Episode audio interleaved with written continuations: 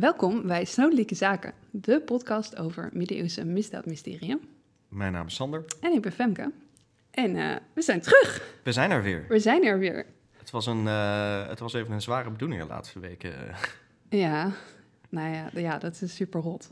Ja, ik had het uh, tot op heden, of nou ja, tot op kort geleden had ik het weten te voorkomen. En moest ik er toch aan geloven met de COVID. Ik was goed ziek. Ja, ja, het is niet best. Ik heb het een tijdje terug gehad. Dat was echt, echt goed naar. Dus uh, ik, ik snap het helemaal. Maar ik ben blij dat je er weer bent. Ja, ik ook. En uh, dat we weer, uh, nou ja, mooi, mooi. dat we weer verhalen kunnen vertellen. Ja, inderdaad. Ja, nou ja, dus ja, gaan, we, gaan we gewoon van wal. Ik denk, ja, ik, ja, als het goed is, heb jij wat voorbereid deze keer? ik heb mijn best gedaan. Oké. Okay. Ik heb mijn best gedaan. Nou, dan, uh, ik ben van plan om heel erg aandachtig te gaan luisteren. Oké, okay, nou. goed verhaal. Oké, okay, hier komt hij dan. We gaan terug naar het einde van de 13e en het begin van de 14e eeuw in Kilkenny in Ierland. Het is 1300. Aan een van de belangrijkste wegen in Kilkenny staat een groot stenen huis het is hoog, het oogt ruim en het grenst net aan de bron van St. Kieran. Het huis is gemaakt van lokaal grijs steen en het valt op, want het is naast het kasteel in Kilkenny en de kathedraal gewijd aan St. Kenneth, of Kenneck in het Iers, een van de grotere gebouwen in deze middeleeuwse plaats. Hier woont de welvarende William Outlaw met zijn vrouw Alice. Hij is bankier waarbij hij leningen verstrekt die tegen hoge rentes moeten worden terugbetaald. Alice zit trouwens ook niet stil, ze helpt hem bij het werk. Haar vader had namelijk hetzelfde beroep en van zijn ervaringen en die van William kijkt ze de kunst af. Ze hebben samen twee kinderen, een dochter Rose en een zoon, ook William geheten. Het geluk lijkt hen toe te lachen, ze komen niets tekort. Toch komt er aan dit fijne leven een einde. William overlijdt, zijn vrouw als weduwe achterlatend. Het is 1307. In hetzelfde grote huis woont de welvarende Adam Blunt of Callan met zijn vrouw Alice. Ook hij is een rijke bankier. Hun verdiensten zijn groot, ze komen niets tekort. Toch komt er aan het fijne leven een einde. Adam overlijdt, zijn vrouw als weduwe achterlatend. Het verhaal gaat rond in Kilkenny dat het ligt aan drankmisbruik. Het is 1316. In het grote huis woont de welvarende Richard de Vaal met zijn vrouw Alice. Richard is landeigenaar en hij bezit heel veel grond. Alice's volwassen zoon William is ook een bekend gezicht in Kilkenny. Als burgemeester van de plaats heeft hij veel invloed. Alice houdt zich bezig met het uitgeven van leningen. Richard en Alice komen niets tekort. Toch komt er aan dit fijne leven een einde. Richard overlijdt, zijn vrouw als weduwe achterlatend. Het is 1324. In het grote huis woont de ridder John Lepore met zijn vrouw Alice. John komt uit een welgesteld en invloedrijk Iers geslacht. Zo is hij familie van Arnold Lepore, de maarschok van Kilkenny. Via de leningen die zijn vrouw en haar zoon uit haar, uit haar eerdere huwelijk verstrekken en zijn eigen inkomsten komt er een riant inkomen binnen. John en Alice komen niets tekort. Toch treffen we John aan, liggend op bed. Hij is uitgemergeld en hij ziet lijkbleek. Zijn nagels zijn uitgescheurd en zijn haar is vrijwel overal uitgevallen. Zijn situatie ziet er slecht uit. John vermoedt dat de dood hem spoedig komt halen. Het is 3 november 1324. Op een plein hebben de inwoners van Kilkenny zich verzameld. Ze kijken ademloos naar een verhoging midden op het plein. Op die verhoging zien we een brandstapel. Niemand zegt een woord. Maar stil is het niet. Door merg en been gaat het gekrijs van de vrouw die vastgebonden is aan de paal op de brandstapel. Ze wordt levend verbrand. Haar naam? Petronella de Meth. Ik zie je verwonderd kijken. Wauw. Wat, wat, een toevalligheden allemaal, zeg. ja, ja, ja dat, dat zeker. Ja. Ja, en dat klonk toch een klein beetje als een, uh, een poloniumvergiftiging daar uh, het einde. Komen we, komen we nog misschien wel even, even op, terug. Um, ik wil even meteen een, een soort kader schetsen. Uh, we vragen jullie luisteraars al vaker doe-suggesties. En die krijgen we ook zeker wat superleuk is. En al meermaals is het verzoek gekomen... wil je als- als- alsjeblieft een heksenvervolging doen? En dan zeg ik, ja, maar heksenvervolgingen zijn eigenlijk uit de 16e en 17e eeuw. Die hebben we niet zo heel erg in de middeleeuwen. Ja, uiterst zeldzaam. Uiterst zeldzaam. Maar ehm, die hebben wel eens plaatsgevonden. En Petronella, de vrouw op de brandstapel, eh, die is de eerste vrouw, voor zover wij uit bron- bronnen weten, in Ierland die eh, beschuldigd is van tovenarij en hekserij en om die reden op de brandstapel eindigt. Dat is een eer. Ja, nou ja, twijfelachtig eer. ja, precies. Ja. En jij hebt het al best wel lang over deze zaak. ja, deze Dus die, die, ja. Ja, ik vind hem heel intrigerend. En hij is ook wel een beetje complex. En ehm, dit gebeurt ook niet zomaar, want Petronella, zoals je misschien al een beetje vermoedt, is eigenlijk een heel klein radertje in een veel groter geheel hier. En dat gaan we proberen eh, te schetsen in een van de meest opzienbarende zaken die we in de 14e eeuw in Ierland tegenkomen. Als je het mij vraagt. Oké, dit maakt me ontzettend benieuwd. Ben ik Ja. eigenlijk al. Eh, die opeenstapeling van echtgenoten. eh, Ja, ja. Nou ja, laten we eens beginnen bij het begin. Want wie, eh, je- die Petronella, die, wie is dat eigenlijk? Zij is de dienstmeid van vrouwen Alice Keitler. En Alice hebben we net ook al even de revue horen passeren. Zij is een edelvrouw met een groot fortuin. Ehm, ze gaat nogal snel door haar echtgenoten heen. Ja.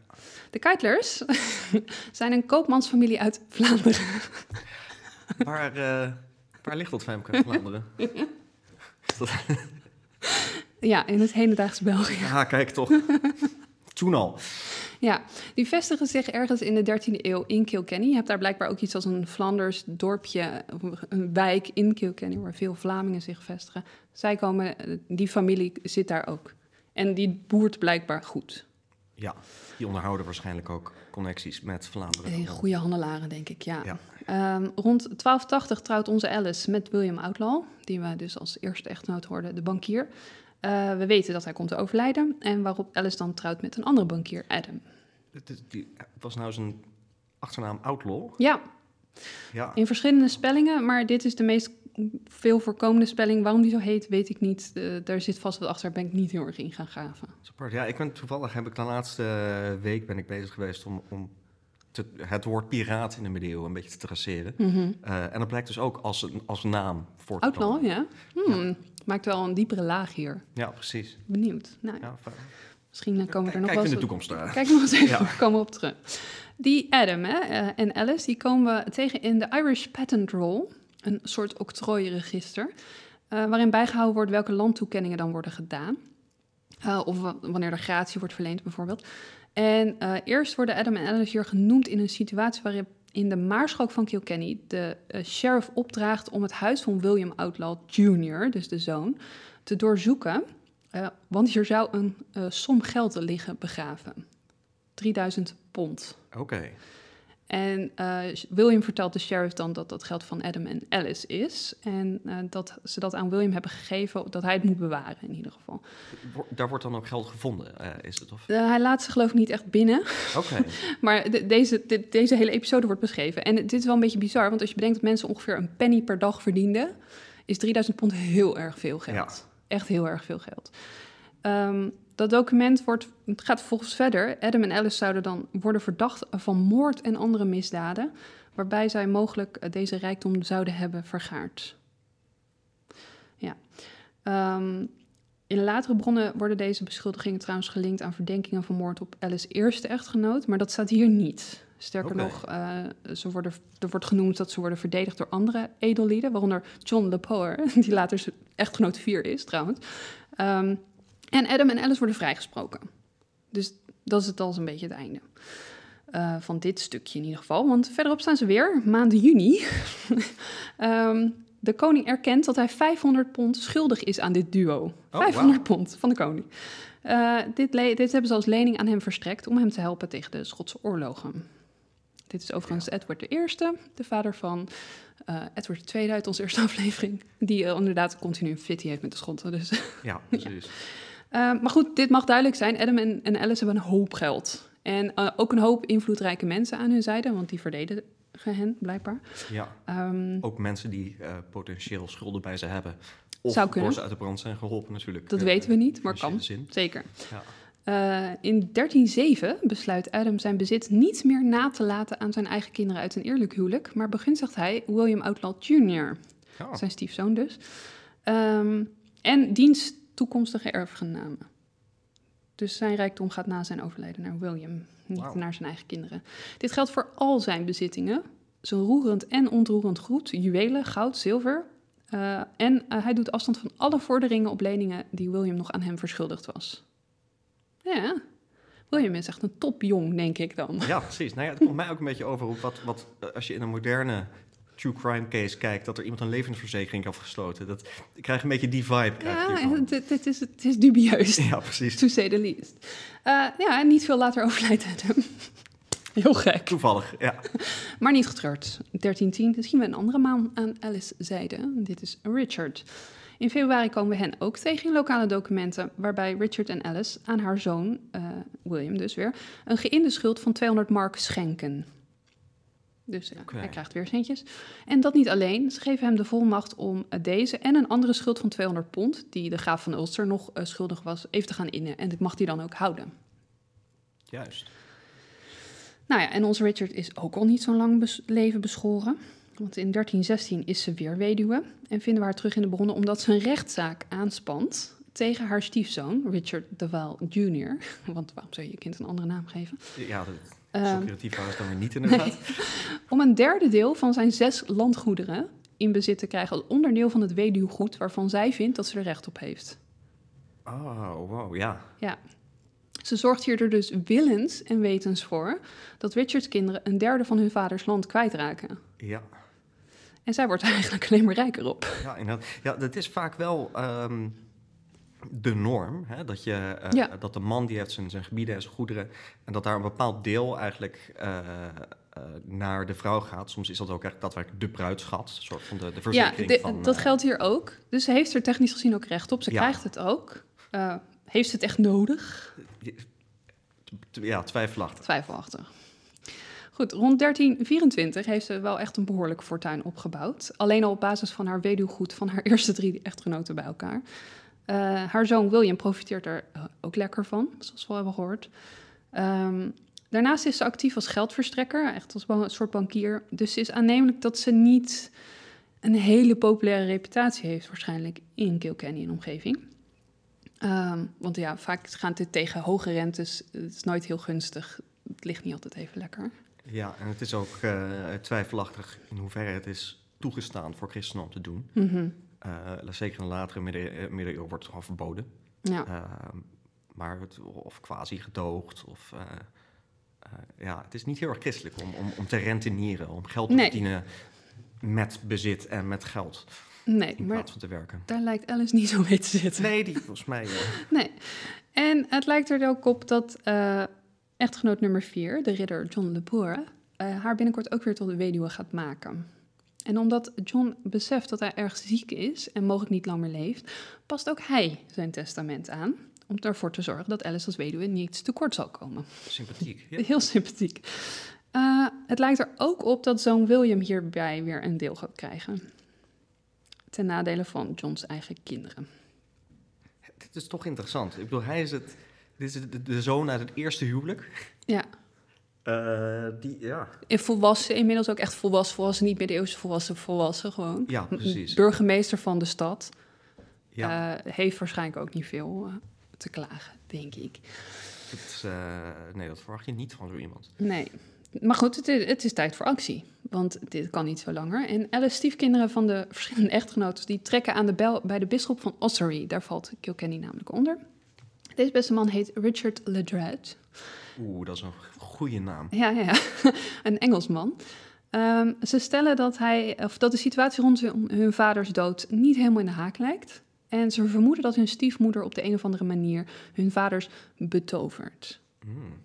En eh, ja, dat dat ervoor zorgt dat, eh, dat die mannen dus Alice eigen zoon William meer begunstigen dan de eigen kinderen. Ja. Ik moet zeggen, betoveren zou niet mijn eerste hypothese zijn. Nee, nee, nee. Nou ja, misschien. Daar komen we zo misschien nog wel even op. Ehm, er wordt naar gehint dat Alice haar eerste drie echtgenoten zou hebben vergiftigd. En dat ze hard op weg was om dit te gaan herhalen bij nummer vier. Uh, Bisschop uh, die belooft uh, die aanklacht te gaan onderzoeken. Nou, en wanneer hij dan Kilkenny bezoekt, opent hij officieel een inquisitierechtbank, bestaande uit vijf ridders en verschillende edelen, om deze zaak tot op de bodem uit te gaan zoeken. Hij, ja, hij houdt van aanpakken. Ja, precies. na veel beraad uh, komt deze rechtbank met een iets wat chockerende conclusie. Er is een coven van Ketterse tovenaren actief in Kilkenny, met aan het hoofd Dame Alice Keitler. Aha. Ja. Logisch. Dit, is, dit kan ook inderdaad niet iets van vergiftiging zijn. Hier moet meer zijn. Hier moet meer zijn, absoluut. En het mooie is, wij hebben hier uh, de, de aanklachten. Zeven stuks om maar liefst okay. te zijn. Uh, ik ga ze even citeren voor je. De groep heeft, om te kunnen bereiken wat zij willen bereiken, het geloof in Christus verlogend voor een jaar of voor een maand, afhankelijk van wat het doel is. Tijdens deze verloochening geloven ze niets van waar de kerk voor staat. Aanbidden zij het lichaam van Christus niet, gaan zij niet naar de kerk, horen ze de mis niet, eten ze niet van het heilig brood en drinken ze niet van het heilig water. Aanklacht 1. Aanklacht 2.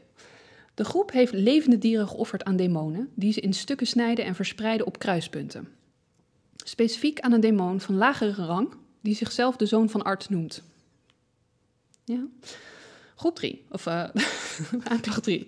De groep vraagt uh, voor hun tovenarij advies en uh, krijgt ook antwoorden van demonen. Aanklacht 4. De groep bootst op godlasterlijke wijze de macht van de kerk na door, bij het licht van drie kaarsen, een veroordeling van excommunicatie op te leggen op hun eigen echtgenoten. Vanaf hun voetzolen tot aan hun kruin, waarbij ze elk lichaamsdeel specifiek benoemen en daarna de dienst, tussen aanhalingstekens, afsluiten door de kaars te doven en fi, fi, fi, amen uit te roepen. Ja. Aanklacht 5. De groep kookt in een schedel van een onthoofde overvaller op een vuur van eikenhout de darmen en inwendige organen van de hanen, uit beschuldiging 2, die, die dieren op kruispunten, die zij offeren aan de demonen. Zij voegen hier enkele verschrikkelijke wormen aan toe. Ik heb hier vragen bij trouwens. Ja. maar goed. Uh, verschillende kruiden en ontelbare andere verachtelijke ingrediënten, zoals nagels die van dode lichamen zijn afgeknipt, bilharen, kleding van jongetjes die gestorven zijn voordat ze gedoopt konden worden. En van deze mix maakt de groep verschillende poeders, drankjes en zalven. Het vet dat in de pot overblijft, gebruikt de groep om kaarsen mee te maken. Ze zingen en ze zetten mensen aan om lief te hebben of juist te haten te moorden, evenwel als het kwellen van de lichamen van gelovige christenen. En doen vele andere dingen. Dat zijn altijd een mooie toevoegingen. Ze doen ja. vele andere dingen. Vele andere dingen. Pas op. ja. Aanklacht 6. De zonen en dochters van de echtgenoten van vrouwen Alice spannen voor de bisschop een openbare rechtszaak aan op zoek naar een oplossing en hulp tegen de vrouwen, Openlijk en in het bijzijn van de mensen beweren zij dat Alice tovenarij heeft gebruikt om enkele van hun vaders te vermoorden en anderen te verdwazen, waarbij hun zinnen naar stupiditeit zijn verlaagd, zodat ze al hun rijkdom en eigendom aan haar en haar zoon hebben geschonken en daarmee hen en hun erven hiermee verarmd hebben.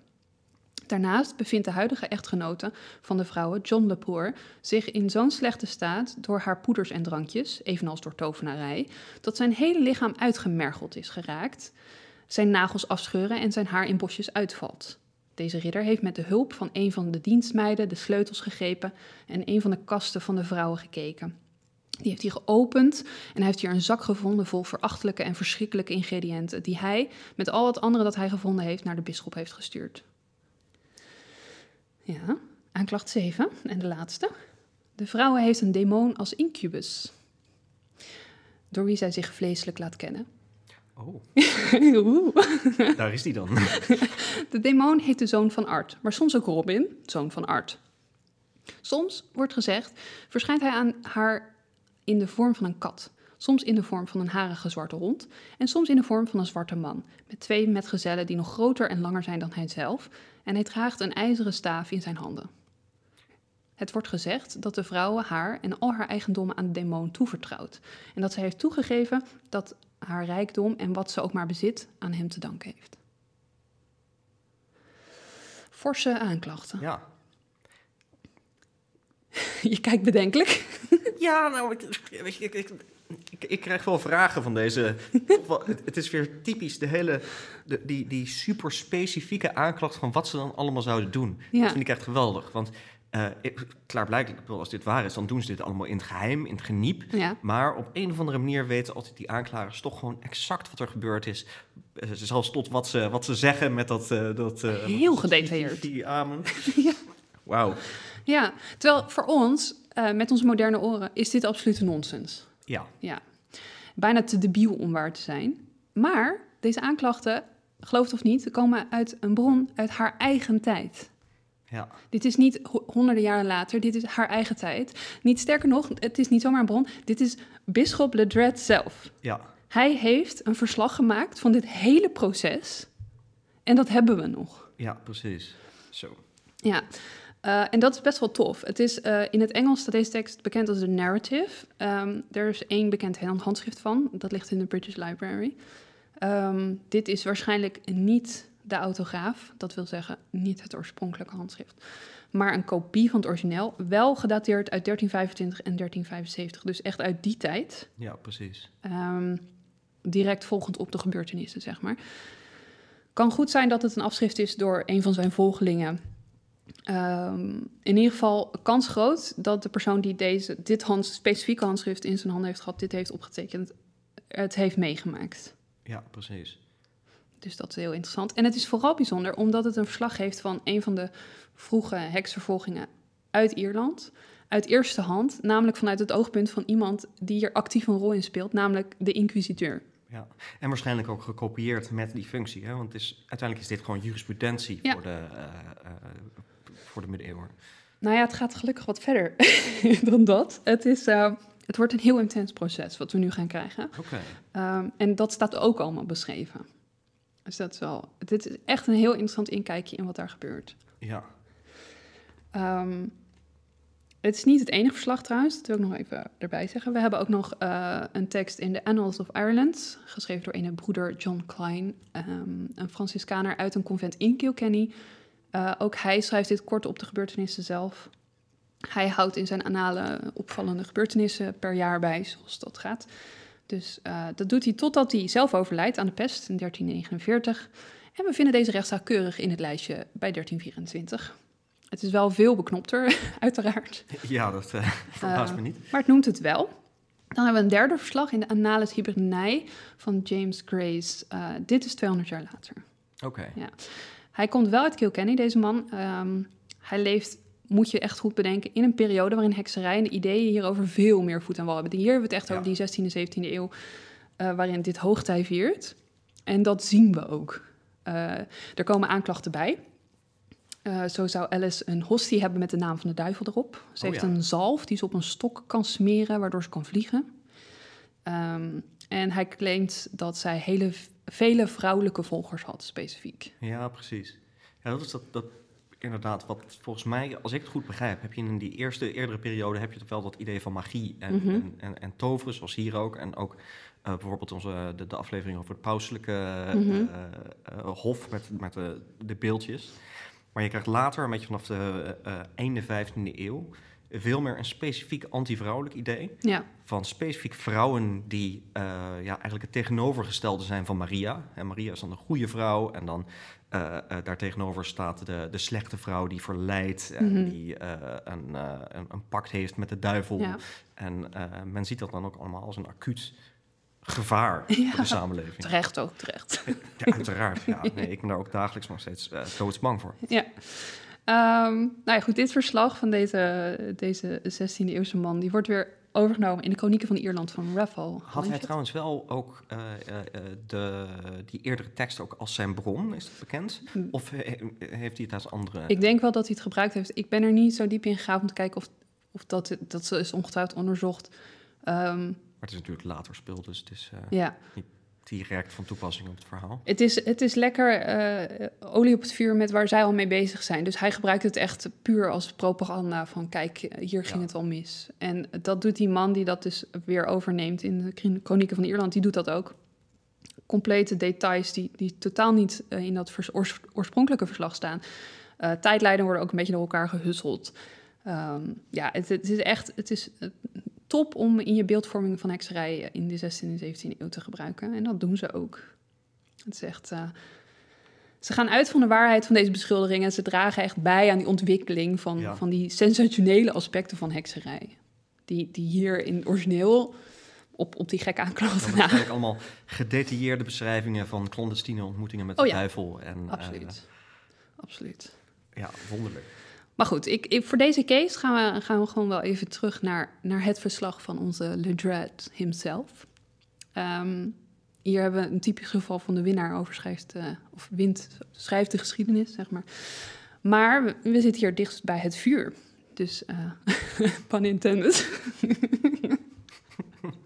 Eh, en maar goed, het is, het is gewoon geschreven door iemand die echt een belangrijke rol heeft in dit hele proces. En Ja.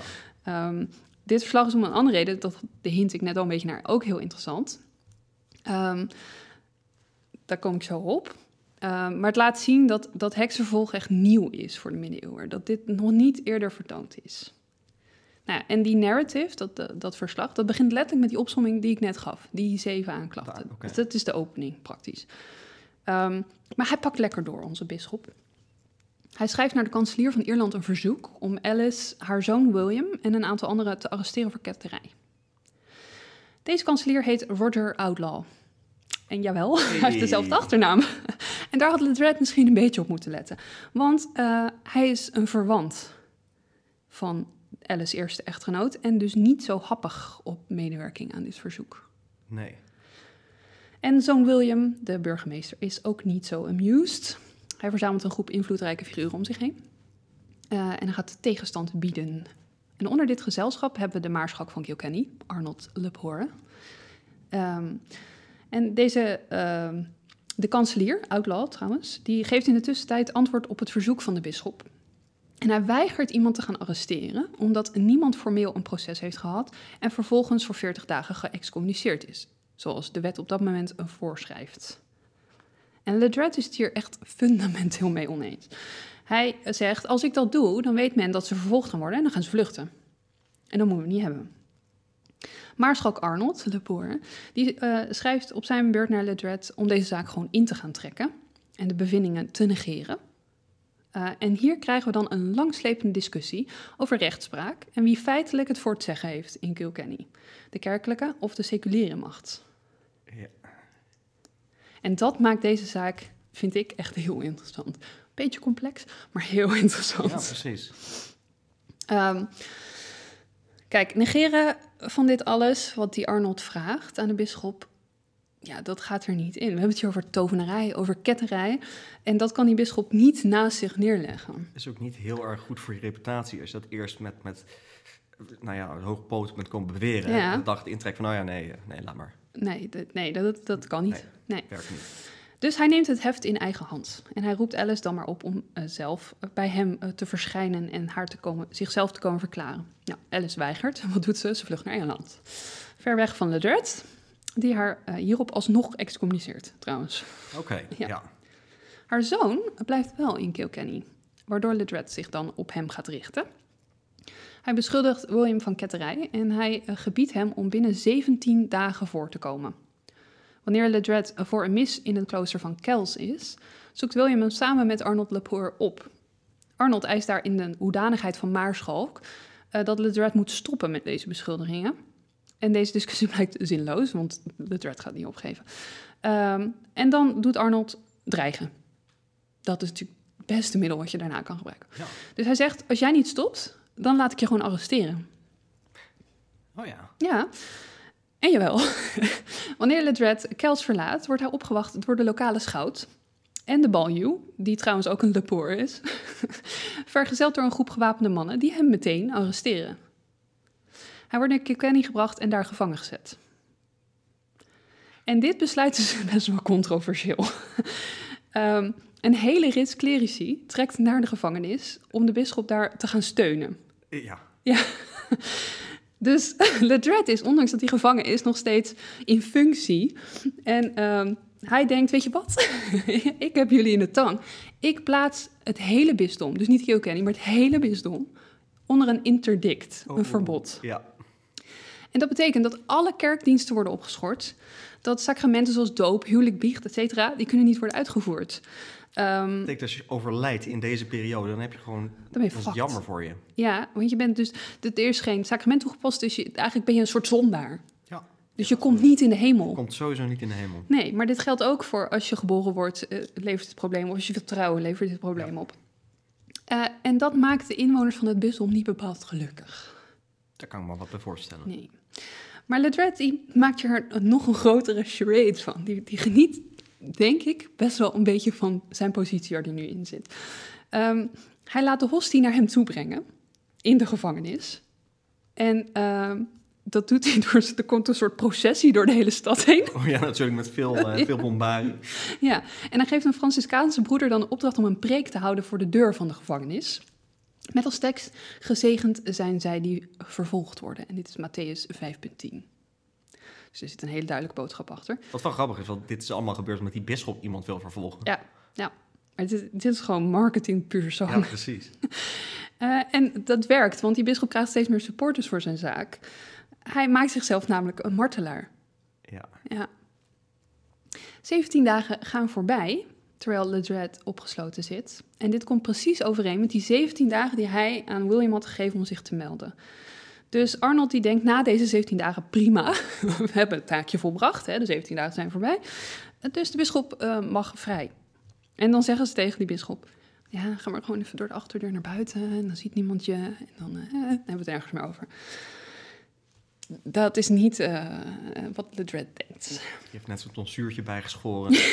Helemaal klaar voor. Ja, nou dat is letterlijk zo. Gekleed in zijn volledige pontificale outfit. En gevolgd door een schare eh, clerici en inwoners trekt hij als een soort parade naar de kathedraal. Kun je het voorstellen? En daar gaat hij dan een mis houden. En dan gaat hij God uitgebreid danken voor zijn vrijlating. En bij de deur van de kathedraal eist hij wederom dat William zich moet melden. En eh, ja, die beschuldigingen nu echt moet gaan beantwoorden. En het lijkt er dan ook op dat William ja, niet heel veel keus meer heeft. Maar Ledred heeft pech. Hij wordt opgeroepen om zich te komen verantwoorden voor het kerkelijke hof in Dublin. Omdat hij onrechtmatig een interdict over zijn bisdom heeft Oh, uitgeroepen. Dat mag niet zomaar. Oh, Eh, dit is zo sneu. Ja. Het ging zo goed. Het ging zo goed. Eh, ja, dus de bisschop die zegt van ja, ja, ja, hm, maar ik kan niet naar Dublin, want dan moet ik door het land van Arnold. En dan word ik misschien wel vermoord. En Arnold, de maarschalk, die denkt dan, nou oké, weet je wat, ik ga zelf wel even een hof beraden en daar eh, de bisschop voordagen voor onwettig gedrag. En dit hof wordt gehouden tijdens Pasen 1324. En Ledred komt hier daadwerkelijk opdagen, eh, maar hij wordt in eerste instantie toegang geweigerd. Maar hij laat zich niet afschrikken en hij dringt de eh, rechtszaal binnen, gekleed in vol ornaat, terwijl hij de hostie in een gouden vaas eh, boven zich zo naar binnen draagt. Oeh, het is wel echt een showman. Het is echt een showman, deze man. Ja, hij trekt echt alles uit de kast. Dit is, Ja. dit is zo bizar. Ehm, nou ja, goed, hij, hij heft die hostie boven zijn hoofd... en onder begeleiding van hymnes van zijn volgelingen... eist hij dan dat de maarschalk en de baljuws en het hof... hem een eerlijk proces gaan geven. En het is heel slim, want die hostie... die symboliseert het lichaam van Christus. Ik heb het lichaam van Christus vast. Dus je kan mij niet aanraken. Ja. Want als je mij aanvalt, val je Christus aan. Het is heel, heel slim. Nou ja, en dat, dat heeft dus effect. Want ze zeggen ook, oké, oké, we, gaan je, we gaan je een proces, eerlijk proces toekennen. Ehm, maar het, werd, het loopt toch niet helemaal zo. Ehm, het verandert echt in een soort wedstrijd... waarbij de beledigingen over en weer worden geuit. Eh, en dit, dit staat dus ook allemaal in het verslag van Ledred. Ik verzin dit ook niet. Arnold, eh, die noemt bisschop die verachtelijke, onwetende, laaggeboren zwerver uit Engeland... met dat klompje deeg in zijn handen. Shots fired. ja, het is Oh. pittig. En dat gaat ook weer over die Ja, natuurlijk. precies. Eh, en die verwijzing naar Engeland komt omdat, eh, ja, het is heel erg ons kent ons... maar Ledred komt uit Engeland, is geen Ier, Nee, is precies. geen local. Dus dat ligt ook al niet lekker. Ga maar lekker daar je, je, je onzin eh, uitkramen. Ja, jij hoort hier niet. Nou ja, Ledred vindt dit een hele grote belediging. Want Arnold stelt hier eigenlijk dat Christus himself terecht staat... eh, voor een sterfelijke rechter in aanwezigheid van christenen. En dat is niet meer voorgekomen sinds Pontius Pilatus. Dus hallo. Ja, ja dat gaat ver hoor. Ja. Nou ja, goed, het, het is ongehoord, maar deze discussie loopt eigenlijk tot niets uit. Het heeft geen zin. stelletje hooligans tegenover elkaar Ja. hier. Dus Ledred, ja, hij vertrekt, hij geeft en het koekje. Maar goed, we hebben al een tijdje niks van Alice gehoord. En die heeft ook niet eh, stilgezeten. Ze is teruggekeerd naar Dublin, waar ze bij de aartsbisschop verzoekt om een rechtszaak tegen Ledred te beginnen. Ehm, omdat hij haar onregelmatig geëxcommuniceerd heeft op basis van een onbewezen aanklacht tegen hekserij. Ehm, de narratives eh, stelt dat Alice is terugvervallen in haar ketterij, maar vermeldt niet dat er een proces is geweest om haar eerlijk, eerder definitief schuldig te bevinden. Eh, dus het lijkt erop dat hij haar berecht heeft in haar afwezigheid. Ja, En dat mag volgens het seculiere recht niet. Dus kijk. hij heeft weer iets niet helemaal netjes gedaan. Het, is ook, het maakt volgens het reguliere recht ook het proces twijfelachtig. Maar volgens het kerkelijk recht is straffen verplicht wanneer iemand terugvervalt in kelterij. En hier krijg je ook alweer zo'n stukje conflict tussen hoe dit seculier recht wordt aangepakt Ja. en, en, en het kerkelijk recht. Ehm, die aartsbisschop die heeft in de tussentijd ook iets vernomen van dat hof wat Arnold heeft beraad en hoe dat is gegaan. En hij heeft er eigenlijk geen goed woord voor over. Dus hij wijst de mannen, maar met name Arnold terecht. En die wordt gedwongen om eh, sorry te zeggen. En dat moet hij door een kus doen, zoals we dit al vaker hebben gezien, de typische verzoening. Ja, En dan lijkt de tij weer een beetje te keren voor Ledret. Hij heeft nu alweer een beetje zo... eh, Ah, hij is, De weer, touwtjes eh, in hij is handen. weer aan zet. ja, hij geeft de missie niet op. Want nee, daar ging we ook niet van uit dat hij dat ging doen. Ehm, dus hij. Nee, hij schrijft opnieuw naar eh, kanselier Roger Outlaw. En hij eist weer de arrestatie van Alice, die op dat moment in Dublin zit. Ehm, evenals haar uitlevering aan, naar Kilkenny. Eh, wanneer Alice dit verneemt, vlucht ze opnieuw. Ehm, de aanklachten worden deze keer niet ingetrokken, dus Roger gaat blijkbaar toch akkoord met dit, eh, dit proces. Waarbij dan eh Ladret denkt, weet je wat, eh, ik ga me richten op de handlangers. Want er was een hele groep, het was niet alleen Alice. En dit betekent dat dit heksenproces eindelijk, eindelijk kan beginnen. Tien mensen worden opgepakt, maar liefst. En vervolgens ondervraagd. Ze geven hun aandeel en schuld aan de genoemde misdaden meteen toe. En ze benoemen zelfs andere misdaden, dat is handig. Oh ja, Eh, Alice wordt door hen allemaal als leider aangewezen. Uiteraard. ook handig. Ja. Ook handig. Eh, de narrative meldt niets over hoe ze ondervraagd zijn. Ah, Maar de snelheid waarmee ze toegeven is wel vrij opvallend. ja, ik wilde net vragen, zijn deze mensen gefolterd? Eh, We weten het niet. Maar eh, eh, ja, gezien het hele, de hele show die er omheen is geweest, kan ik me voorstellen dat dit best wel heeft geleefd in, in de gemeenschap. Dus dat Ja. ze weten dat er achter hen aan gezeten kan hebben. En dat Ledred blijkbaar ook toch best wel machtig is in zijn positie en wat kan bereiken. Dus dat ze doodsbang zijn geweest. Ehm, het kan ook heel goed dat Ledred deze bekentenis enigszins geforceerd heeft. Ja, inderdaad. Ja, en we hebben natuurlijk ook in eerdere afleveringen gezien dat martelingen eh, helaas een rol speelden Ja. in deze, eh, Zeker. dit soort zaken. Het maakt het, maakt het lastig. We weten het niet, maar het is vrij aannemelijk. Ja. In ieder geval eh, gebruikt hij dit bewijs, wat hij nu heeft, eh, in een nieuw schrijven naar kanselier Roger Outlaw. Dit moet toch voldoende zijn om ervoor te gaan zorgen dat deze heksen eens even gevangen blijven in afwachting van het proces. Roger weigert. Eh bisschop, Ledred die, die stuurt het dan naar een hogere rechter. En die gaat wel akkoord. Die komt naar Kilkenny. Overigens wel opvallend om te zeggen, William in deze documenten wordt buitenschot gelaten. Dus het gaat echt over tien andere personen op dit moment. Is, is er meer bekend over die persoon of kom je daar nog? Ik heb, ik heb hun namen, maar ik heb ze bewust, noem ik ze niet, want er zijn al heel veel namen. Ja, precies. Ehm, maar ik- waren dit ook alleen vrouwen of Nee, vrouwen en er mannen? zitten mannen tussen. Oké, Ja, het is wel, het- volgens mij is het eh 7-3. Dus het is wel meer, meer vrouw dan man. Maar het Ja. was niet alleen maar vrouw. Zeker niet. Nou ja, voordat die hoge rechter dan in Kilkenny aankomt, eh, gaat de bisschop toch even met William Jr. nog aan de slag. Eh, hij vraagt hem zich te melden en de aanklachten van ketterij te beantwoorden.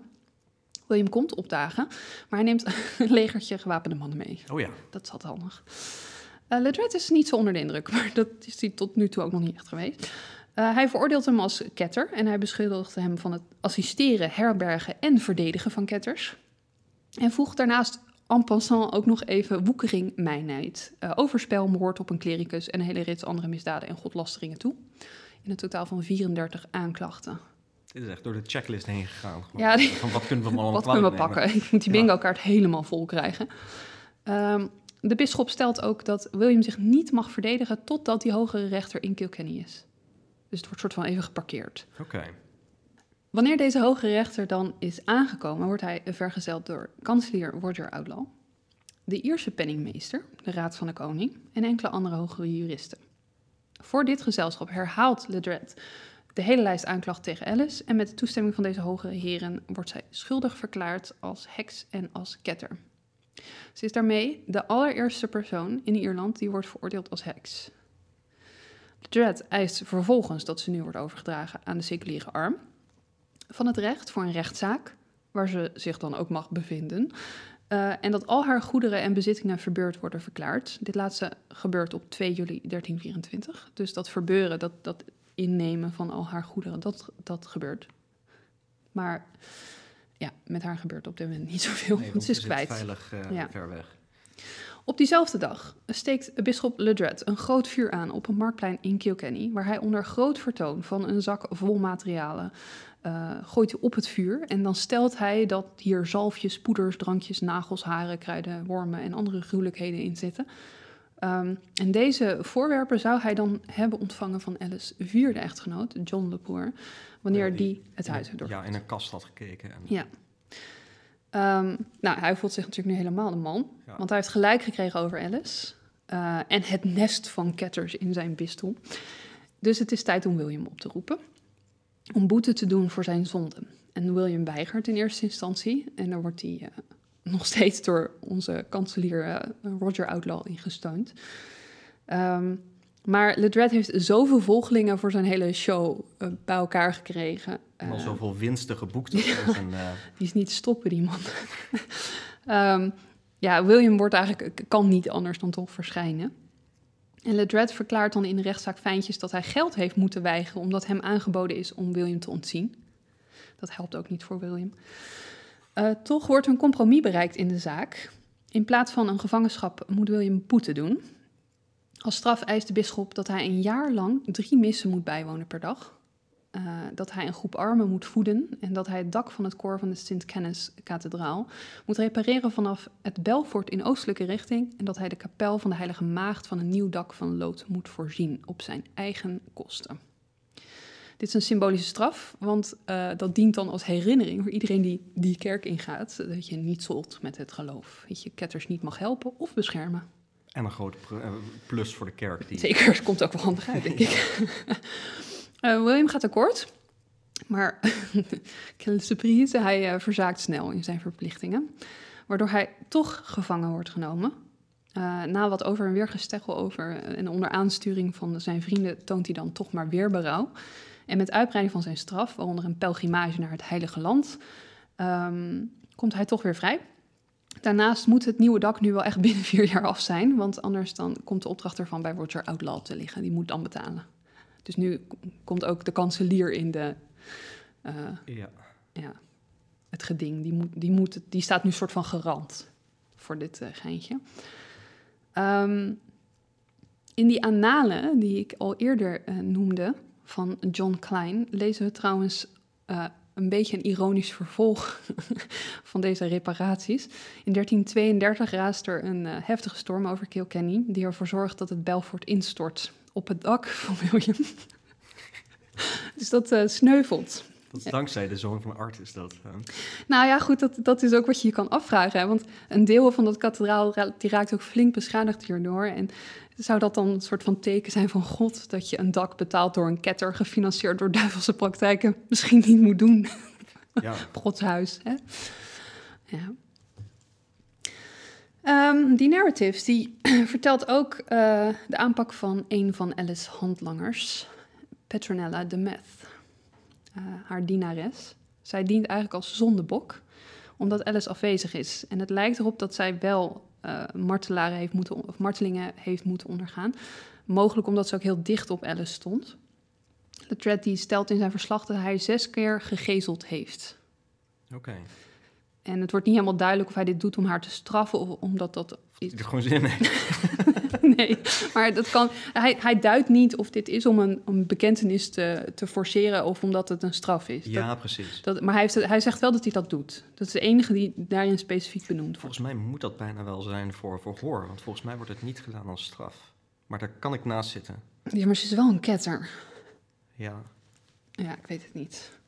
Um, zij zou dan hebben toegegeven dat ze onder invloed van Alice haar geloof verlogend heeft en maar liefst drie keer aan demonen heeft geofferd. Um, drie hanen ook, specifiek aan de, de, demon die Robert of Robin, zoon van Art heet. Dit wist ik nog wel eens. Um, je zou bijna denken dat hij dat gewoon bedacht heeft. Ja, het is zo bizar, maar het staat er echt. Um, ze heeft het bloed uit de hanen laten lopen, de dieren in stukken gesneden en de ingewanden vermengd met spinnen, schorpioenen en duizendblad, evenals andere kruiden en wormen die wormen. ik ben elke keer, ik puzzel dat. Ik denk elke keer, waarom hebben jullie het nou specifiek over die heftige wormen? Maar goed, die heeft ze dan gekookt in een pot met het brein en de kleding van een jongen die gestorven is voordat hij gedoopt kon worden. Waarom krijg je dan, volgens mij ze, ze dopen vrij snel toch in de middeleeuwen? Dus waarom heb je dan een set kleren voordat je gedoopt wordt? Ja, maar hij heeft wel een interdict geplaatst. Oh ja, dat is waar, ja. dus eigenlijk is het gewoon zijn eigen schuld. I don't know. Nee, dat, dat, kan trouwens niet, want Alice was toen al weg. Ja, precies, dit is inderdaad ervoor. Um, Even kijken. Uh, ja, in het, en het afgesneden hoofd van die, uh, van die uh, struikrover, of wat was het? Um, alles op, uit, op, uiteraard op aanwijzing van Alice. Alice is het brein hierachter.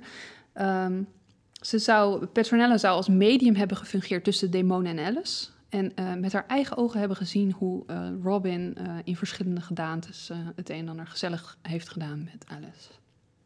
Wat ook al verschrikkelijk is op zichzelf. Ja, nou dat is ook uh, natuurlijk weer typisch voor die middeleeuwers. Die uh, altijd obsessief bezig zijn met vrouwen die verkeerde dingen doen uh, met ja, seks. zeker. Dus het kan natuurlijk niet dat er hier dat dit ontbreekt. Dit nee, dit moet, maar wat opvallend is, want als je goed oplet, ik heb verteld, die aanklachten aan het begin, die noemen dit wel. Ja, klopt. Ja. Hij opent daarmee en hij zegt, dit, dit waren de zeven aanklachten. Toen ging ik ehm, toen ging dit hele proces in gang. En vervolgens vertelt hij dus vele episodes later dat Petronella dit opbiecht. Specifiek precies hetzelfde verhaal. Ja. Dus hij heeft waarschijnlijk die bekentenis ontfutseld en dat later in zijn verslag ingediend direct als aanklacht. Maar dat, dat wist hij toen nog niet, technisch gezien. Maar goed, dat, dat is het voordeel van dat je zelf je eigen verslag schrijft natuurlijk. Um, op bevel van Ledred wordt uh, Petronella dan uh, veroordeeld tot de brandstapel en de straf wordt uitgevoerd met alle gepaste plechtigheid in Kilkenny op 3 november 1324. En wat ik al zei, zij is daarmee het slachtoffer van de allereerste heksverbranding in Ierland na een veroordeling als heks. Ja. Um, zij is ook de enige vermelding van een verbranding in deze zaak. Oké, dus die andere... Weten we niet. Nee. Nee. Het, het eindigt een beetje uh, random. Misschien had hij er niet meer zoveel zin in, ik weet het niet. De narrative zegt, uh, uh, sommige eindigen op de brandstapel, andere worden gebrandmerkt met een kruis, weer andere worden door de stad heen geslagen of verbannen uit het bisdom en sommige ontkomen door te vluchten. Maar niet specifiek wat met wie. Terwijl eerder worden al die namen wel genoemd. Dus, ja. En zij zat er ook al tussen die eerdere tien? Ja, ja wel. Ja. Dus zij is wel echt onderdeel van die groep. Ja, precies.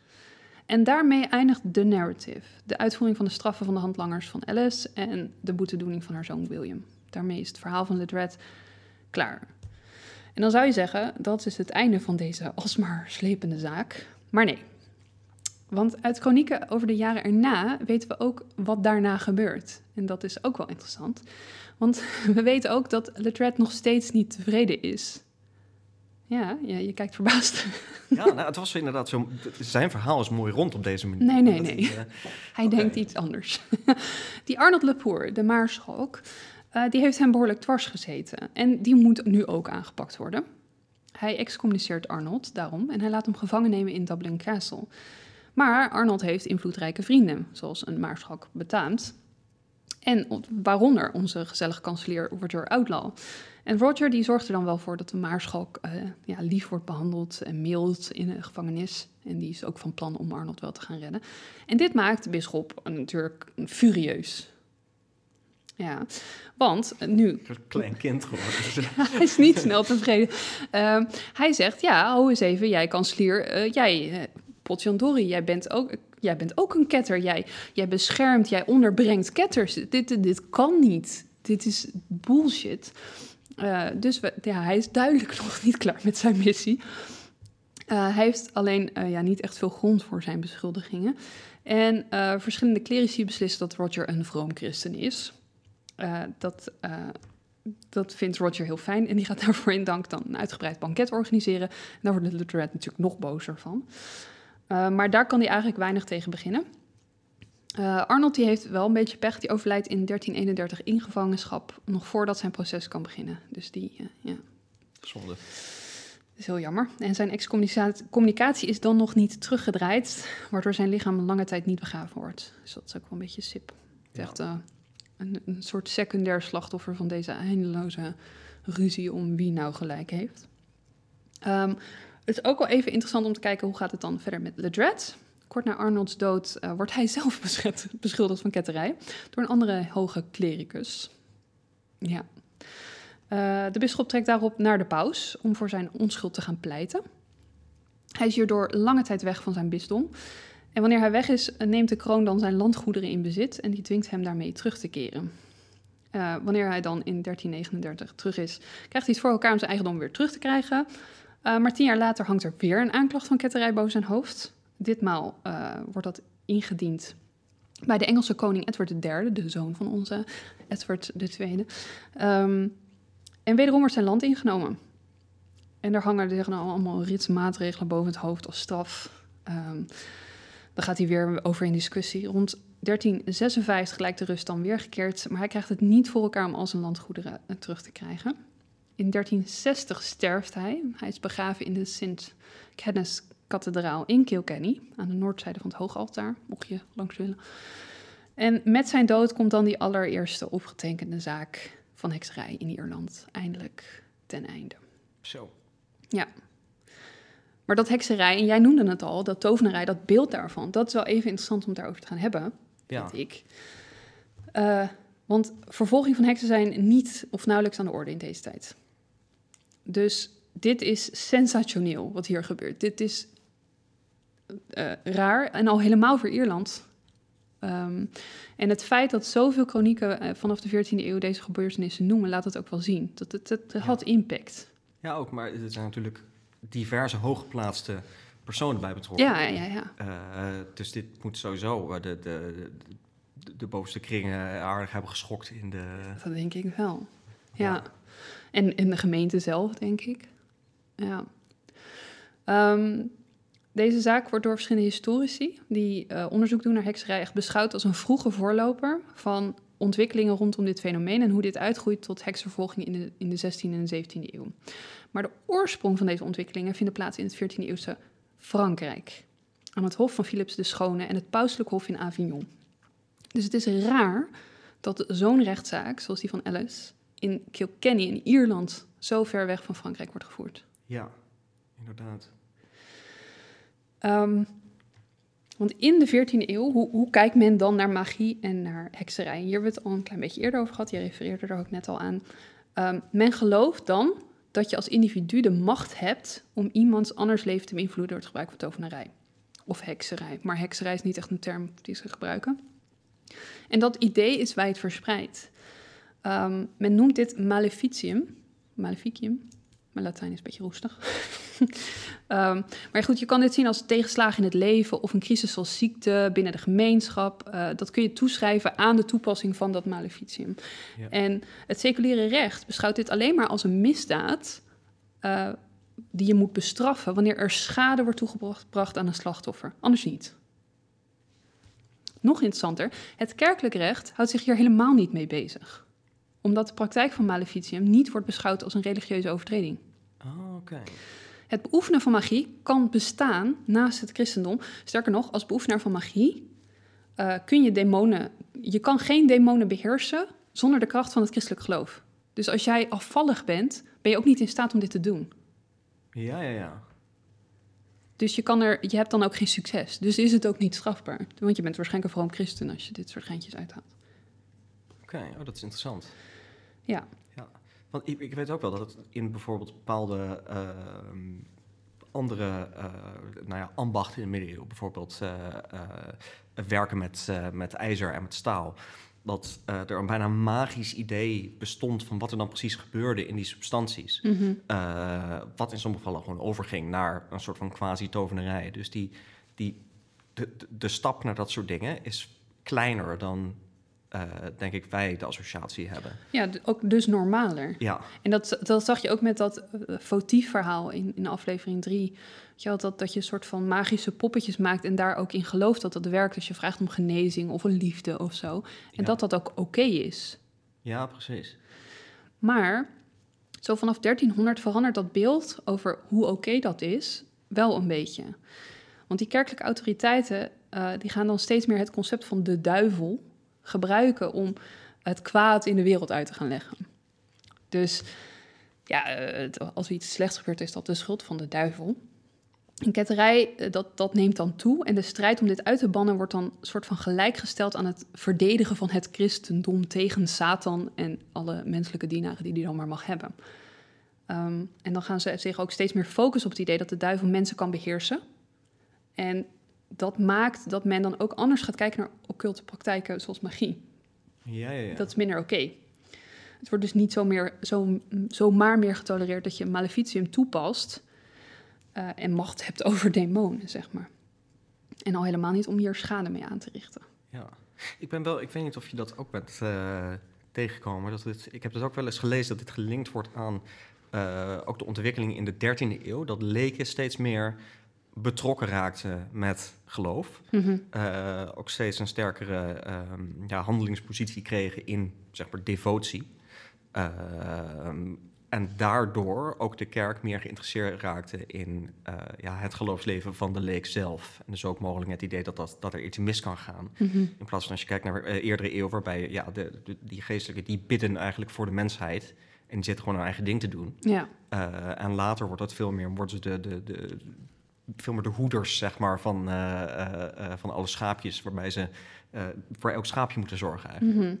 Nou ja, ik kan me voorstellen dat het een opstapeling wordt van verschillende factoren, waaronder dit. Als je dan niet meer een soort van de pure clerici hebt, zeg maar, ja. maar daar steeds meer inmenging in ontstaat, dat dat de boel ook een beetje bevuilt. Ja, ja precies. Ja. Nou ja, en um, men ziet dan ook wel dat, dat dit echt aangepakt moet worden. Dat, dat mensen die dan uh, een pact zouden sluiten met de duivel, dat, dat dat moet worden gestopt en bestraft. En dit zien we bijvoorbeeld aan de aanpak van Philips de Schone, die Franse koning, uh, tegen de Tempeliers. Die, dat is een beetje ja. diezelfde periode. En dan gebruikt hij het beeld van duivelse invloed in zijn aanklachten om de onvrede over deze groep te vergroten. Um, tegelijkertijd ontstaat er ook een nieuwe juridische procedure. Voorheen, uh, als aanklager, moest je een bewijslast verzamelen om dan te bewijzen dat iemand schuldig is. Wat ik uh, vrij fair vind. Ja, ja, precies. Maar vanaf de 13e eeuw uh, komt er dan zo'n inquisitieprocedure. En daarbij moet een beschuldigde zijn onschuld bewijzen in de ondervraging. En aangezien we een toenemend gebruik gaan zien van marteltechnieken om bekentenissen af te dwingen, ja, heb je weinig beperkingen meer als aanklager. Dus zijn mensen ook veel sneller uh, ja, schuldig. Ja, maar het is ook veel moeilijker om iets te. Uh, om, om, sommige aanklachten te, te ontkrachten, mm -hmm. zeg maar, dan om ze aan te tonen. Ja, absoluut. Ook, ook logisch gezien is het gewoon, het, de, de bewijslast ligt bij degene die de claim maakt. Ja. Jij zegt dat iets zo is, nou ja, dan moet je uitleggen waarom jij denkt dat het zo is. Ja. Um, maar als je het omdraait, ja, heel flauw. Dan kun je alles pakken om te zeggen, ja, wat jij hier zegt klopt niet. Ja, zeker iets wat je, oh ja, maar deed hij in het geheim. Of in het, het, uh, je, je, kan met een, een, zeg maar, bewijs van zeker dat je een munt opwerkt en, uh, en zegt van ja, kop, ik win. Mm -hmm. Munt, jij verliest. Ja. daar komt het vaak op neer bij die zeker. mensen. Ja, het is niet best.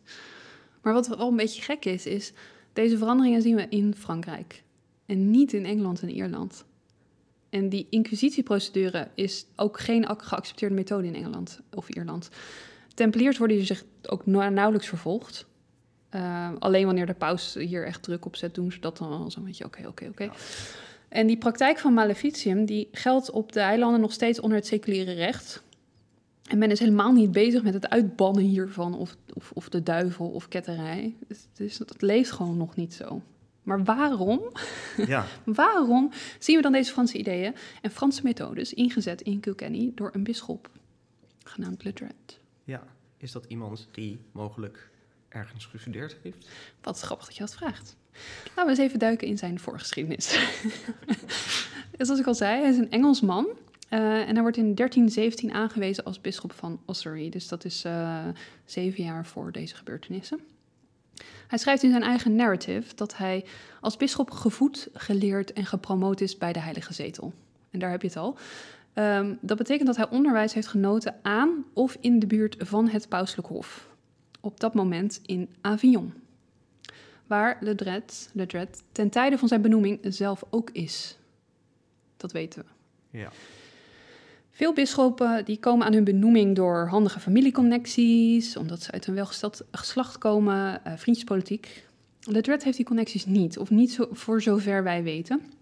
Maar het lijkt er dan dus erg sterk op dat hij geluk heeft dat hij op dat moment, als die positie vrijkomt, in Avignon is, in het vizier van de paus. Eh, sterker nog, En misschien juist waarom die dan een positie in Ierland krijgt... in plaats van een soort van prestigieuze posi- positie in Frankrijk. Zou kunnen, maar Ossory is een vrij groot bisdom. Oké, is dus niet dat niks. Oké, Ja. ik moet dat niet wat ik zeg. Ehm, historici nemen eigenlijk aan dat hij mogelijk de favoriete persoonlijke keuze van deze paus was. Ehm, en deze specifieke paus heeft naast Philips de Schone, die ik net al noemde, een grote rol in de verandering van deze benadering van ketters in Frankrijk. Deze paus komt in 1316 aan de macht in Avignon. Hij heeft bijna een obsessieve angst dat zijn politieke vijanden, en die heeft hij, eh, magie tegen hem kunnen en zullen gebruiken. Deze angst wordt verder gevoed door een daadwerkelijke poging op zijn leven in 1317. Bij deze aanslag op zijn leven wordt magie gebruikt in de vorm van magische wassen poppetjes, die hem op een soort voodoo-achtige wijze op het leven moeten brengen. Mogelijk komt dit je bekend voor. Want dit ja, is dit, laat wel een belletje rinkelen. Ja. Ja. Ja. dit magische moordcomplot bespraken wij namelijk in aflevering 3. Dus we hebben hier eigenlijk een vrij, een potentieel, een heel directe Ja, relatie tussen eh, eh, mogelijk zelfs oorzakelijk tussen deze twee. eh, een heel grote kans dat, eh, eh, want dit is Paus Johannes de 21ste, 22ste. Oh shit, 22ste. Ehm, die, eh, die echt, die was al vrij bang voor magie, maar na deze hele zaak, en als het je niet bekend voorkomt, ga straks aflevering 3 luisteren. past heel goed bij de. ja, past heel goed. Ehm, die, wordt dan echt, die gaat dan een hele rits decreten schrijven hierna. Waarin die maleficium officieel als ketterij gaat beschouwen. Dat stelt hij dan op. Ah, ja. En dat moet, en dus ook stelt, het is kat- ketterij en het moet bestraft worden. Het is strafbaar vanaf dat moment. Hij beslist dat. ja. Dus hij, Dus dit is een hele logische connectie. ja. En ik, toen ik dit zag, dacht ik, wow, dat is, dat is interessant. Ja. Hij is dus geobsedeerd met het verdrijven van ketters. En onder zijn invloed gaat Ledred aan de slag in het bisdom. ja. En ik kan me ook voorstellen dat als, als Led Red, dat als je dus een dergelijke achtergrond en dergelijke ideeën hebt, eh, dat dit een superbelangrijke strijd is om te voeren. Ook, Ja. hè? Want je gaat. eh, eh, je, je bent sowieso een voorvechter natuurlijk van het christendom. maar dan zit er zo'n complot van ketters. Ja. Nou ja, dat kan je natuurlijk niet accepte- accepteren. Daar moet je tegenin. En dat geeft je natuurlijk denk ik aardig wat vervulling, zeg maar. Dit, Ja, hij, Belangrijker kan je je bijna niet voelen voor... Ik denk ook echt voor hem, en dat zie je ook aan zijn acties, dit is een hoger doel voor hem. Ja. Dit, is, dit wordt de ultieme missie voor hem om dit aan te gaan pakken in zijn bisdom. Ja. ja, want ik was dus wel benieuwd eigenlijk naar wat zijn mogelijke motivatie eh, eh, zou zijn. Ik zat eerst te denken van, zou hij dan misschien daar eh, politieke doelen hebben? Want dat hebben geestelijke natuurlijk ook gewoon. Ja, maar dit is ook een ontzettend sterke ja ik, basis voor, voor die acties. ik denk echt dat, dat, dat het hier vandaan komt en dat hij, ja, om, om zijn, zijn meerdere, de paus ook echt te laten zien. Kijk, jij hebt mij deze positie gegeven en ik, ik weet van aanpakken. Ik ga zorgen dat hier niets van ketters nog komt. Dat, dat ik dat meteen de kiem insmoor. En dat, ja, dat, daar doet hij ook echt zijn best voor. Ehm, maar wat is dan de reden dat hij heeft, vermoedens heeft van ketters in zijn diocees? Want als je kijkt naar die zeven aanklachten, eh, dan zie je wel drie heel duidelijk. De eerste drie heel duidelijk. Die Franse ideeën. Maar eentje valt wel echt eh, heel erg buiten de boot. Ik weet niet of je dat is opgevallen toen ik ze eh, voordroeg. Ehm, en ik denk, men denkt, ik ook, dat dit de oorspronkelijke aanklacht is. Dus de, dat gaat dan om de, de stiefkinderen Mhm. die aan de Ja. bel trekken. Die verdwazing. Ja, die eh, verdwazing en, en daar wordt ook genoemd van misschien vergiftiging en dergelijke. Ehm, er wordt ook tovenarij genoemd, specifiek maleficium. Ehm, maar het heeft eigenlijk een andere inhoud. Het gaat helemaal niet zo in rare details met wormen en, en, en hanen die we op kruispunten eh, onthoofden Ja. en dergelijke. Het gaat, maar het wordt wel geframed in zo'n soort kettersausje door dat maleficium aan te halen. Ehm, het wat, wat interessant is, is eh, die vierde echtgenoot, die, die John Lepoer, die is zo verzwakt ehm, dat hij totaal uitgemergeld is en zo. Ehm, nee, waar wilde ik heen? Nou, we hebben het over die, eh, die kinderen. En Ja. de, de, je zit natuurlijk met een soort van uitdaging, ook met die, die kinderen. Je ziet die echtgenoten overlijden. En je zegt van, oké, nou ja, maar zij heeft ze vermoord voor het geld bijvoorbeeld. Maar dan kan je Mhm. vragen, waarom hebben die echtgenoten dat eh, haar en haar zoon zo... Dat, ja. daar, daar wilde ik heen. Het, het feit dat hij eh, zo verzwakt is, dat, hij, dat laat zien dat, dat, dat zij waarschijnlijk herhaaldelijk eh, haar mannen omlegt en daar rijker van wordt. En eh, een soort van possie om zich heen heeft van invloedrijke vrienden en familie die haar steunen Ja. bij, bij alles. Ehm, dat, dat die stiefkinderen zeggen: hey, eh, van ons wordt alles afgepakt. Eh, zij eigent dat toe, haar zoon eigent zich dat toe. Eh, wij zijn achterdochtig, we hebben geen bewijs van misdaad. Wat is dan de logische verklaring volgens het middeleeuws gedachtegoed Ja. van die periode? Bovennatuurlijke middelen, Ja. maleficium. Nou ja, zelfs al het idee van er klopt hier iets niet. Nee. Eh, als je zo'n bisschop hebt die waarschijnlijk ook mensen om zich heen wel heeft aangestoken met zijn ideeën, Ja, eh, dan kan je, ja, ik denk dat je vrij makkelijk dan kan komen tot dit soort ideeën. zeker. Maar dat is niet eens zo gek. Het is, het is ook niet zo ongehoord, het gebeurt vaak. En het is ook een soort van oké. Behalve dat zij dan zich moet verantwoorden daarvoor. En omdat ze schade potentieel zou hebben toegebracht, daar wordt veroordeeld. Niet als ketter, maar gewoon voor het gebruik van Ja. Ze zoeken dus rechtvaardigheid. Eh, ze zijn helemaal niet bezig met, met een heel hoger doel daarachter. Ze willen eigenlijk denk ik gewoon vooral hun, hun erfenis hersteld zien. Dat, Ja, ik denk dat dat precies. het voornaamste is. Maar hij, die, die Ledred, die interpreteert die aanklacht juist op een hele andere manier. Die gaat aan de slag met de idee die hij van zijn, zijn pausbuddy heeft gekregen. Zij koppelt zeg maar de, de wat vage aanklacht aan de, die hele Franse ideeën Ja. die veel, eh, eh, veel sterker de, eh de tovenarijen als ketters Ja, uiteenzetten. Ja. hij denkt, hé, hey, ik heb hier een haakje. Hier ga ik even wat leuks mee doen. Ja. Ehm, dus hij gelooft dat Alice dat maleficium, die tovenarij, gebruikt... en dat ze daarom een afvallige is... die haar kracht van duivels krijgt en nou ja, al die gekkigheid. En dat ze dan betrokken moet zijn in nachtelijke bijeenkomsten. en, Ja, goed. En dat ze dus ook handlangers moet hebben gehad. Wat oorspronkelijk in een maleficium-idee helemaal niet zo aan de orde is. Want Nee. dat is één persoon die kwaad doet met, eh, met gebruik van tovenarij. Nee, Ja, hier... Wat er natuurlijk ook in zit, is dat, eh, dat, dat conspiracy theorie idee. Ja. Dus er zijn achter de schermen mensen bezig die ons systematisch eh, aan het beschadigen zijn. Iets Ja. wat je ook ziet tegen de, eh, nou ja, in de, met jodenvervolging, wat we eerder hebben gezien. ja, Eh, maar wat je volgens mij ook hebt, waar die, waar die paus voor bang is, dat hij door een complot met magie om het leven wordt gebracht. ja, een hoger doel om het christendom te gaan ondermijnen hier. Ja, precies. Nou ja, en, en, en dus het zal hem denk ik een worst wezen, die hele erfenis. Maar het komt hem wel lekker uit. Ja. En ik vraag me dan af, hè. Want je hebt hier een samenloop van omstandigheden. Stel dat er een andere bisschop was uitgekozen. Ja. Hoe was dit verlopen? Ja. Heel anders, denk ik. Als er niet zulke directe link was met het pauselijk hof... of de veranderingen, of als, als eh, Johannes de, de 22e niet met voedelpoppetjes in aanraking was gekomen... eh, dan was het waarschijnlijk uitgevoerd voor het seculiere recht als familiaire kwestie. Ja. Was ze mogelijk beschuldigd geweest voor het gebruiken van magie en kwaad doen tegenover wijlen haar echtgenoten, eh, haar stiefkinderen? Maar het had geen precedent gezet Nee, helemaal niet. Denk ik ook niet. Eh, Zeker geen duivelse secten met allerlei rare demonische nonsens. Ja. Maar als we dan de aanklacht van hekserij even negeren, waar komen we dan op uit? Alice verslijt haar mannen erg snel en wordt van erfenissen en weduwgoed f- erg rijk. Haar zoon William profiteert mee. Drie mannen zijn dood en begraven zonder enige aanklacht, dus daar is weinig over te zeggen. Maar bij de vierde eh, lezen we zijn toestand. En jij begon hier in het begin ook al even over. Ja. Hij is uitgemergeld, zijn haar valt uit, evenals zijn nagels. En dit zijn kenmerken van vergiftiging, ehm, vrij overeenkomend met het gebruik van arsenicum. Ja. En dat is ook niet zo gek, want dat hebben we ook al wel eens eerder besproken. Ja. Ehm, maar ja, want je kan het niet ruiken, je kan het niet proeven.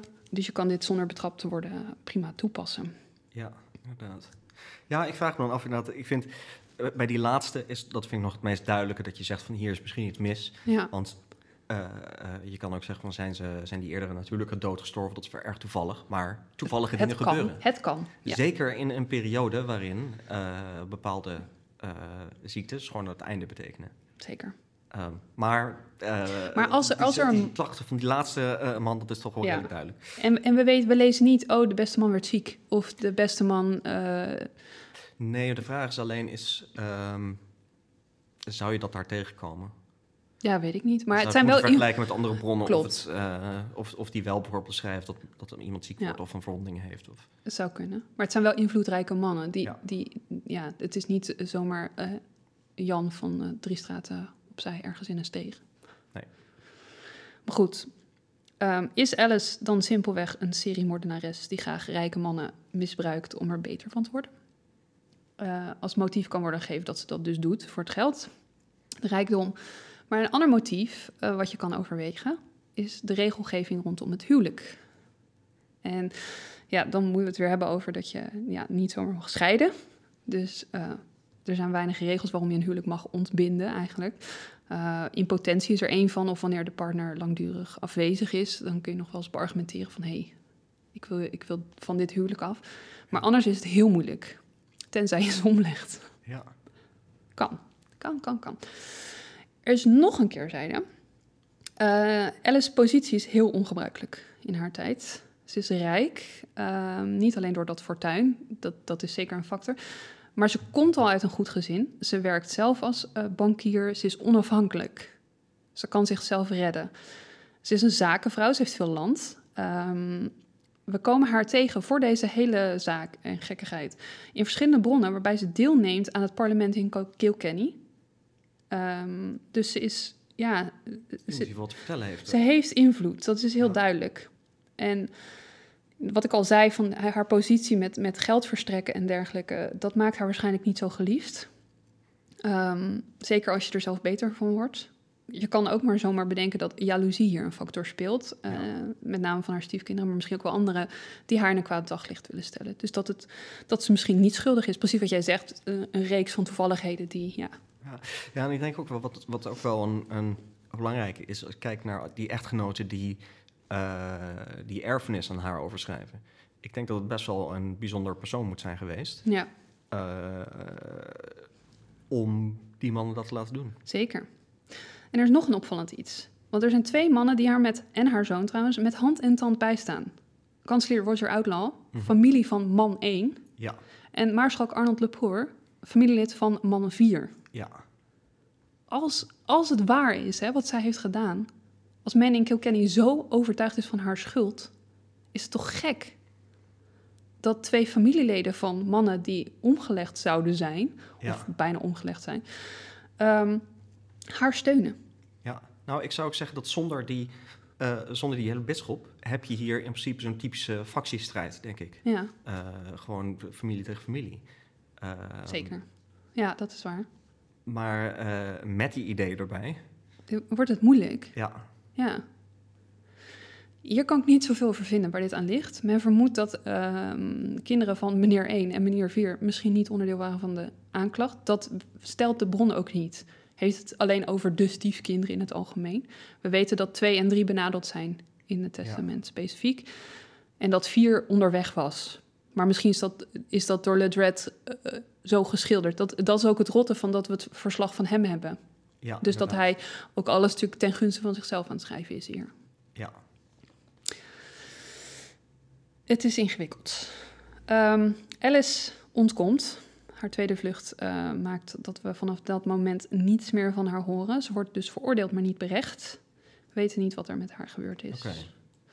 We weten wel dat haar dienares Petronella levend wordt verbrand en de twijfelachtige eer heeft om de eerste vrouw in Ierland te zijn die voor hekserij berecht en terecht is gesteld. Ja. Sneu. Ja, nou ja, ik denk al in al een, een ja, met recht roemruchte zaak dit. Ik vind dit een, eh, ik vond dit een geweldige zaak. Ja. Eh, ik wil je nog even meenemen naar wat er, wat er na alle hekserijperiodes en eh, eh, hoe dit verder verloopt door de eeuwen heen. Ehm, in de 20e eeuw is namelijk Alice onderdeel van een gedicht van William Butler Yeats. Eh, dat gedicht heet 1919. En het gaat als volgt. But now wind drops, dust settles thereupon.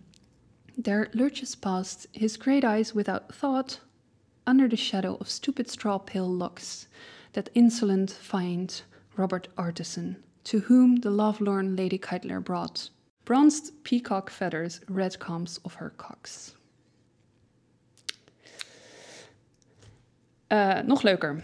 Later in de 20e eeuw en ook in de 21e eeuw worden er verschillende romans over haar geschreven. En ook over Petronella trouwens. In de naam van de roos van Umberto Eco. Komt ze voor. Oh, Eh, zijdelings. Eh, Ja. De hoofdpersonages hebben een gesprek over deze rechtszaak, ja. blijkbaar. Ehm, in 2006 komt The Burning Time uit, geschreven door Robin Morgan. Ehm, Zo, zo'n positieve instelling. eh, op het internet zegt dat eh, actrice Ashley Judd de filmrechten voor dit boek heeft gekocht. Maar volgens nog is daar geloof ik nog niks mee gedaan. Wat jammer is, want ik zou daar heel nieuwsgierig naar zijn. Ja. Ehm, en in Kilkenny is Alice uiteraard een hele fijne toeristische attractie geworden. Er is een pub met de naam Keitler Inn. Deze pub claimt uit de tijd van Alice te komen en sterker nog door haar begonnen te zijn. Eh, ik heb hier even naar gezocht, want ik was benieuwd. Eh, daar is in bronnen uit haar eigen tijd niet veel bewijs voor te vinden. Maar eh, delen van dit pand komen wel degelijk uit de 14e eeuw. Oké. En het staat ook op de plek van waar haar huis moet hebben gestaan. Dus dat mogelijk een Kilkenny een gemeente claimt zelf dat het pand wel connectie heeft met haar. Zij, dat zij daar zelf een pub heeft gerund of een in. Stond in dezelfde plek. Ja, da- waarschijnlijk. Er zijn uiteraard Het tours. is dichterbij dan de meeste historische claims. Van, Zeer zeker. Het is discutabel. de winnaar is altijd Brasserie Porlut, maar eh, Sowieso. Nou ja, je, kan er naar binnen en er staat geloof ik een houten heksenbeeldje. Gekkigheid. Maar Oh ja. op hun website claimen ze echt dat het 100% waar is. Maar nou ja, stug verhaal. Maar wel leuk. ja. Ehm, ja, je kan tours boeken rondom hekserij. Kilkenny wordt dan aangedaan als de heksenstad. Ehm, als plek van de eerste heksverbrandingen. Alice is alive and kicking, kun je dus eigenlijk wel zeggen, daar in Kilkenny. Ja. Ehm, als laatste eh, heb ik wel wat leuke... Ja, mocht je hier meer in willen in duiken... er is een editie gemaakt van Le Dreads verslag. Dat is ook wat ik voornamelijk heb gebruikt... en waardoor ik zoveel details van de beste man kon aanhalen. Dat is The Sorcery Trial of eh, Alice Keitler van eh, Davidson en Ward. We gaan het uiteraard noemen in, eh, in de show notes. Ehm, maar er zijn ook nog wat andere artikelen, eh, zoals The Origins and Character of the Kilkenny Witchcraft Case. In, eh, dat staat in de Proceedings of the Royal Irish Academy. Dit gaat heel erg over die gekke Franse ideeën op dit proces. Dus dat legt Oh, dat ja. heel goed uit. En haalt ook Johannes uitgebreid aan, dus dat is fijn. Ehm, en online makkelijk te vinden is The Sorcery Trial of I- Alice Keitler. Het is wel dezelfde naam als eh, de editie in History Ireland Volume 2. Maar die staat gewoon op het internet Handig. openbaar te raadplegen. En dat geeft je wat meer zicht. Er zijn ook allemaal heel veel bullshit filmpjes. En ze is nu blijkbaar ook een halve TikTok-hype van eh, feministische jonge dames die haar aanhalen als eh, eh, ja, dat zij schandelijk wordt gebruikt voor de case van hekserij. Maar dat, ja, de- eh, op een andere manier denk ik dan eh, eh, hoe het daadwerkelijk was. Ja. Maar al met al, ik, ik ben hier echt weken mee bezig geweest. Ik ben helemaal ge- geobsedeerd door deze dame. Ik vind, of deze hele zaak eigenlijk. Het is, Ik eh, snap waarom. eh, het is super interessant. vooral ook zo'n ontzettend mooie narratieve bron van, eh, Ja, van het proces. Nou ja, dat- het- dat is gewoon zo bijzonder hieraan. Ook al is het zijn gekleurde verslag. En als je het leest, is het ook doorspekt van hoe, hoe hij zichzelf fantastisch vindt. En hoe hij natuurlijk ontzettend onrecht wordt aangedaan door alles en iedereen. Eh, maakt het des te leuker als je het mij vraagt. Als jullie interesse hebben, stuur gerust een berichtje. Ik wil met liefde eh, dit met jullie delen. Het is echt eh, ja, heel bijzonder. Leuk. Ja, heel gaaf. Ja, nou, dat was hem. De eerste heksenverbranding en het eerste heksenrechtszaak in Ierland. Ja, misschien dat we nog wel eens terugkomen op een... Ik bedoel, de meeste heksenverbrandingen zijn natuurlijk, zoals je al zei, later. Ja. Maar eh, er zit wel een hele interessante... Het grote, eigenlijk anti-heksen en eigenlijk ook wel anti-vrouwenboek... wat eh, heel veel invloed heeft geweest. De heksenhamer Mhm. eh, werd geschreven in de 15e eeuw. Ja. Eh, en daar zijn nog wel wat interessante connecties te maken naar diverse zaken. Dus wellicht. Wellicht, wellicht. Ja, ik moet wel zeggen, dat had ik ook al met het pausplot uit aflevering 3. Dat hele magie-onderdeel sowieso is gewoon ontzettend interessant om het over te hebben. Ja. En zeker als je dus die kentering gaat zien van, van hoe men daarover gaat denken en hoe men daar dus mee omgaat. Ja, inderdaad. Ja, nou, maar voor nu denk ik bedankt voor het luisteren. Ja, hartelijk bedankt. En tot de volgende keer. Tot de volgende keer. Vond je dit nou een leuke podcast? Het helpt ons enorm als je onze podcast een recensie of waardering geeft via jouw favoriete podcast-app. Volg ons op social media. Je kunt ons vinden op Facebook en Instagram onder Snodelijke Zaken.